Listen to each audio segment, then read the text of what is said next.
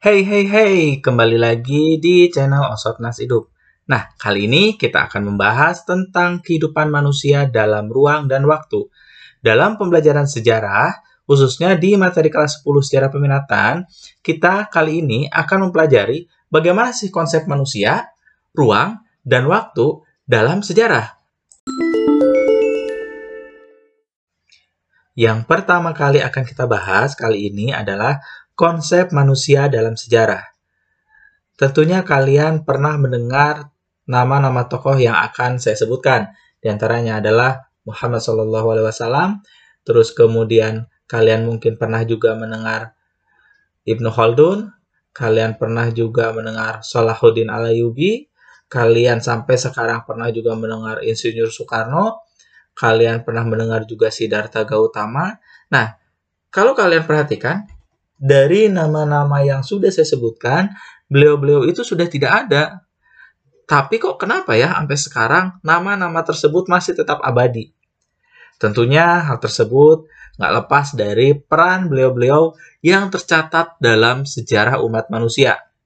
Dari tokoh-tokoh ini, kita bisa belajar kalau manusia itu sebenarnya punya peran penting dalam sejarah.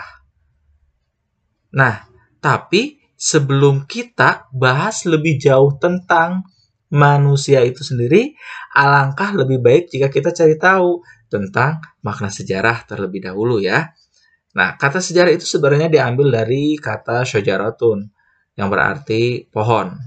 Dalam bahasa Inggris kita kenal juga history ya. Dari bahasa Yunani dikenal juga historia. Nah, dari bahasa Yunani istilah historia masuk ke bahasa-bahasa lain, terutama melalui perantara bahasa Latin. Berbagai definisi pun dikemukakan oleh tokoh-tokoh dan ilmuwan-ilmuwan hebat dunia. Di antaranya adalah Ibnu Khaldun. Beliau mendefinisikan sejarah sebagai catatan tentang manusia dan peradabannya dengan seluruh proses perubahan secara nyata dengan segala sebab dan akibatnya. Sedangkan sejarawan yang berasal dari Indonesia yang bernama Sartono Kartodirijo, beliau juga mendefinisikan bahwa sejarah pada hakikatnya dibatasi oleh dua hal, yaitu sejarah dalam arti objektif dan sejarah dalam arti subjektif. Sejarah dalam arti subjektif adalah suatu bangunan yang disusun penulis sebagai suatu uraian atau cerita. Adapun sejarah dalam arti objektif adalah proses sejarah dalam aktualitasnya, merujuk pada kejadian atau peristiwa itu sendiri. Berdasarkan pendapat-pendapat yang dikemukakan oleh para ilmuwan tersebut, maka bisa kita simpulkan ya, kalau sejarah itu merupakan rekonstruksi peristiwa masa lalu yang bersifat penting, abadi, dan unik, yang benar-benar terjadi dan berisi segala kegiatan manusia, Nah, rekonstruksi tersebut dibuat oleh sejarawan, bukan dari asal-asalan ya, tapi dari hasil kesimpulan berdasarkan data-data yang telah teruji.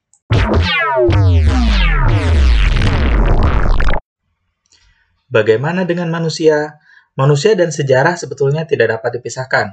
Manusia itu memiliki rasio atau akal budi yang telah dianugerahkan oleh Tuhan dengan akal budinya itu, manusia mengingat, merefleksikan pengalaman hidupnya, serta memiliki harapan dan cita-cita yang kemudian diwujudkan dalam tindakan nyata demi kemajuan dan perkembangannya.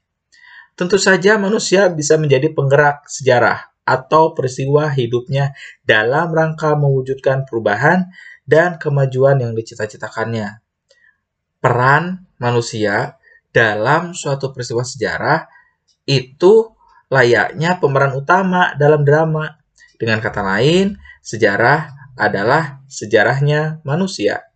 Menurut R. Muhammad Ali, sejarah meneliti dan menceritakan riwayat dan perjalanan hidup manusia. Riwayat itu bisa dialami, diceritakan, dan dibaca oleh manusia. Oleh karena itu, manusia menjadi pencipta, pelaku, penutur, dan sekaligus sumber sejarah. Dalam proses gerak sejarah itu sendiri, kita nggak bisa mengindahkan kalau memang ada pengaruh alam yang ada di sekitar manusia itu untuk memengaruhi sejarah manusianya. Contoh misalnya, dalam bentuk keadaan iklim, adanya sumber daya alam, serta adanya bencana alam. Contohnya kayak di Indonesia deh. Iklim kita kan tropis. Tanahnya alhamdulillah subur. Kemudian gunung-gunung api aktif pun ada. Terus sumber air juga banyak. Nah, hal ini membentuk tanpa disadari gitu ya. Hal ini membentuk corak kehidupan masyarakat seperti mata pencarian, kemudian juga sistem kepercayaan, pandangan hidup, dan teknologi. Selain itu, pengaruh lingkungan alam terhadap sejarah manusia tampak dalam sistem mata pencarian. Contohnya ya, kayak masyarakat yang tinggal di dataran rendah. Dataran rendahnya tersebut kemudian subur. Nah, pasti masyarakat memanfaatkannya sebagai lahan pertanian. Tapi faktanya ya, manusia itu dapat mengatasi dampak-dampak yang merusak dari perilaku alam. Sebagiannya bahkan terjadi karena perilaku manusia itu sendiri. Artinya, lingkungan alam itu nggak bisa menentukan gerak sejarah manusia. Lingkungan alam hanya memberikan pengaruh atau lingkungan alam hanya bisa mempengaruhi sejarah manusia, tidak menggerakkan sejarah manusia itu sendiri. Selanjutnya yang kita bahas yaitu mengenai ruang. Bagaimana sih ruang dalam sejarah itu? Ruang merupakan konsep yang paling melekat dengan waktu. Ruang merupakan tempat terjadinya berbagai macam peristiwa-peristiwa sejarah dalam perjalanan waktu. Penelahan suatu peristiwa berdasarkan dimensi waktunya tidak dapat terlepaskan dari adanya ruang waktu terjadinya peristiwa tersebut. Jika waktu menitik beratkan pada aspek kapan peristiwa itu terjadi, maka konsep ruang menitik beratkan pada aspek tempat di mana peristiwa itu terjadi. Konsep ruang sejarah juga mengenal yang ada namanya dimensi spasial dan dimensi temporal. Spasial atau ruang merupakan tempat terjadinya suatu peristiwa sejarah, sedangkan temporal atau waktu ini berhubungan dengan kapan peristiwa tersebut terjadi. Sedangkan manusia sendiri adalah subjek dan objek sejarah. Manusia sebagai pelaku dan penulis sejarah itu sendiri. Tidak ada peristiwa yang berlangsung tanpa media ruang. Segala peristiwa terjadi di dunia berlangsung dalam ruang atau wilayah tertentu. Segala tindakan, perilaku, terjadi di tempat atau lokasi tertentu. Adanya ruang membuat pemahaman kita tentang peristiwa sejarah menjadi nyata ya. Nah, selain itu memungkinkan orang membuat kategorisasi peristiwa sejarah berdasarkan tempat. Contohnya nih, kita kenal ada sejarah lokal, ada sejarah daerah, ada sejarah nasional, ada sejarah kawasan, dan ada sejarah dunia. Perjalanan hidup manusia juga nggak dapat dilepaskan dari waktu ya. Tadi juga di awal sudah disebutkan.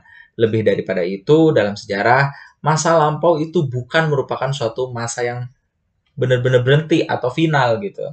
Tapi harus terus berproses dan mempengaruhi hingga masa kini, bahkan sampai masa depan. Masa lampau dalam hal ini bukanlah keadaan atau peristiwa, melainkan kearifannya. Meskipun kearifannya dan maknanya terus bergerak ke masa depan, sejarah itu tetaplah sebuah kajian tentang peristiwa masa lalu.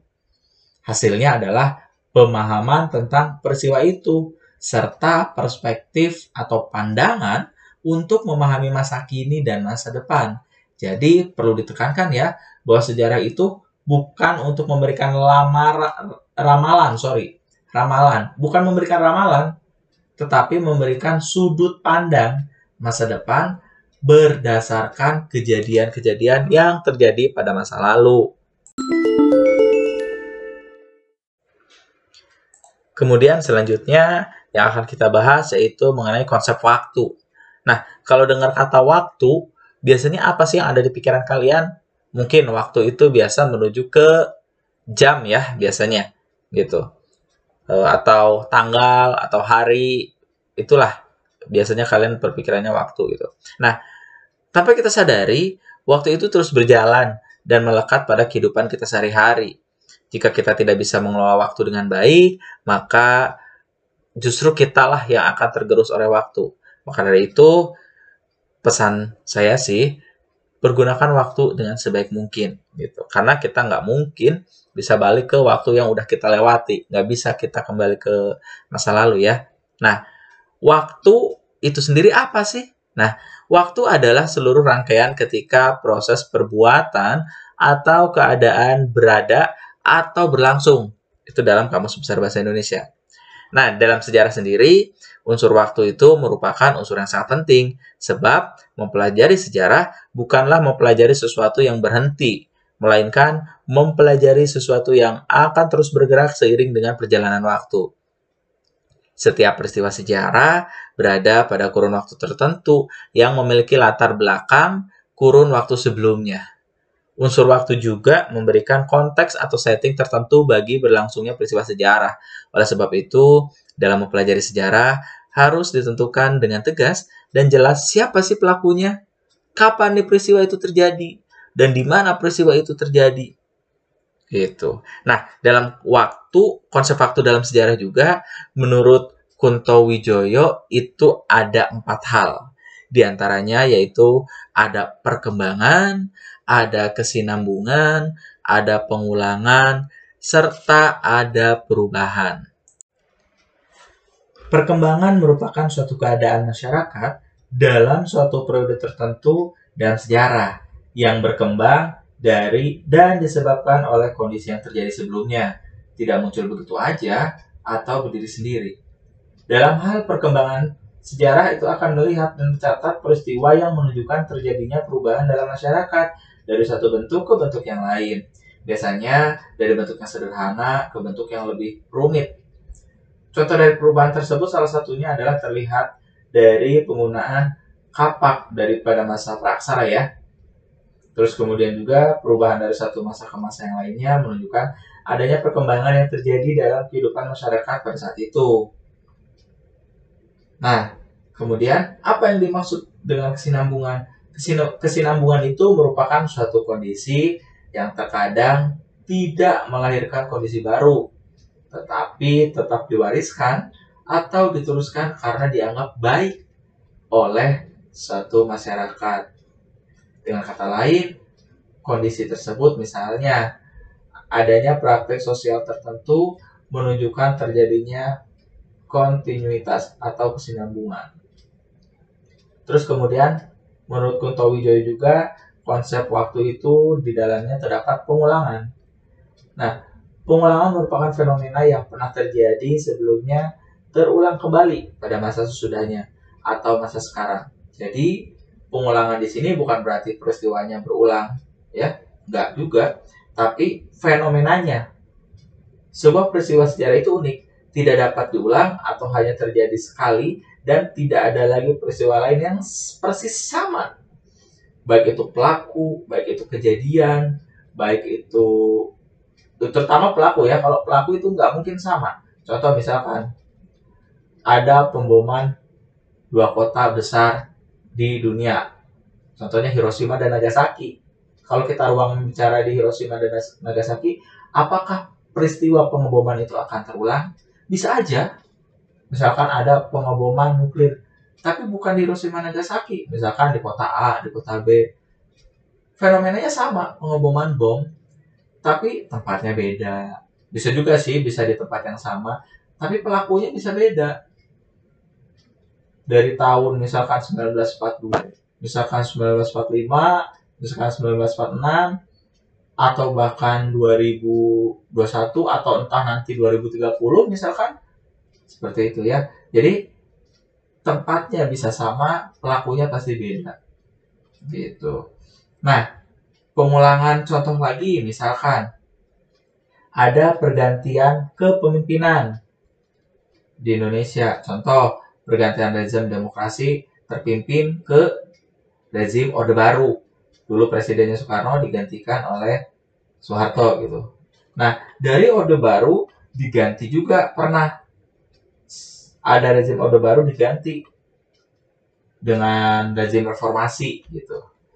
Nah, rezim tersebut dapat berganti karena salah satu faktornya adalah ada gerakan mahasiswa. Polanya hampir sama, fenomenanya hampir sama. Pada tahun 66, mahasiswa menuntut adanya tritura. Sedangkan 98 mahasiswa menuntut dilakukannya reformasi. Pelakunya sama-sama mahasiswa, tapi apakah presiden yang sama yang diturunkan? Jelas bukan. Jadi orangnya bisa beda ya. Walaupun fenomena peristiwanya itu ada. Itu pengulangan. Lalu apa yang dimaksud dengan perubahan? Perubahan itu adalah ketika masyarakat membentuk praktik yang baru dan berbeda sama sekali dengan praktik sebelumnya Hal itu terjadi karena praktek lama dinilai tidak memadai atau ketinggalan zaman lah untuk menunjang kemajuan dan tata kehidupan.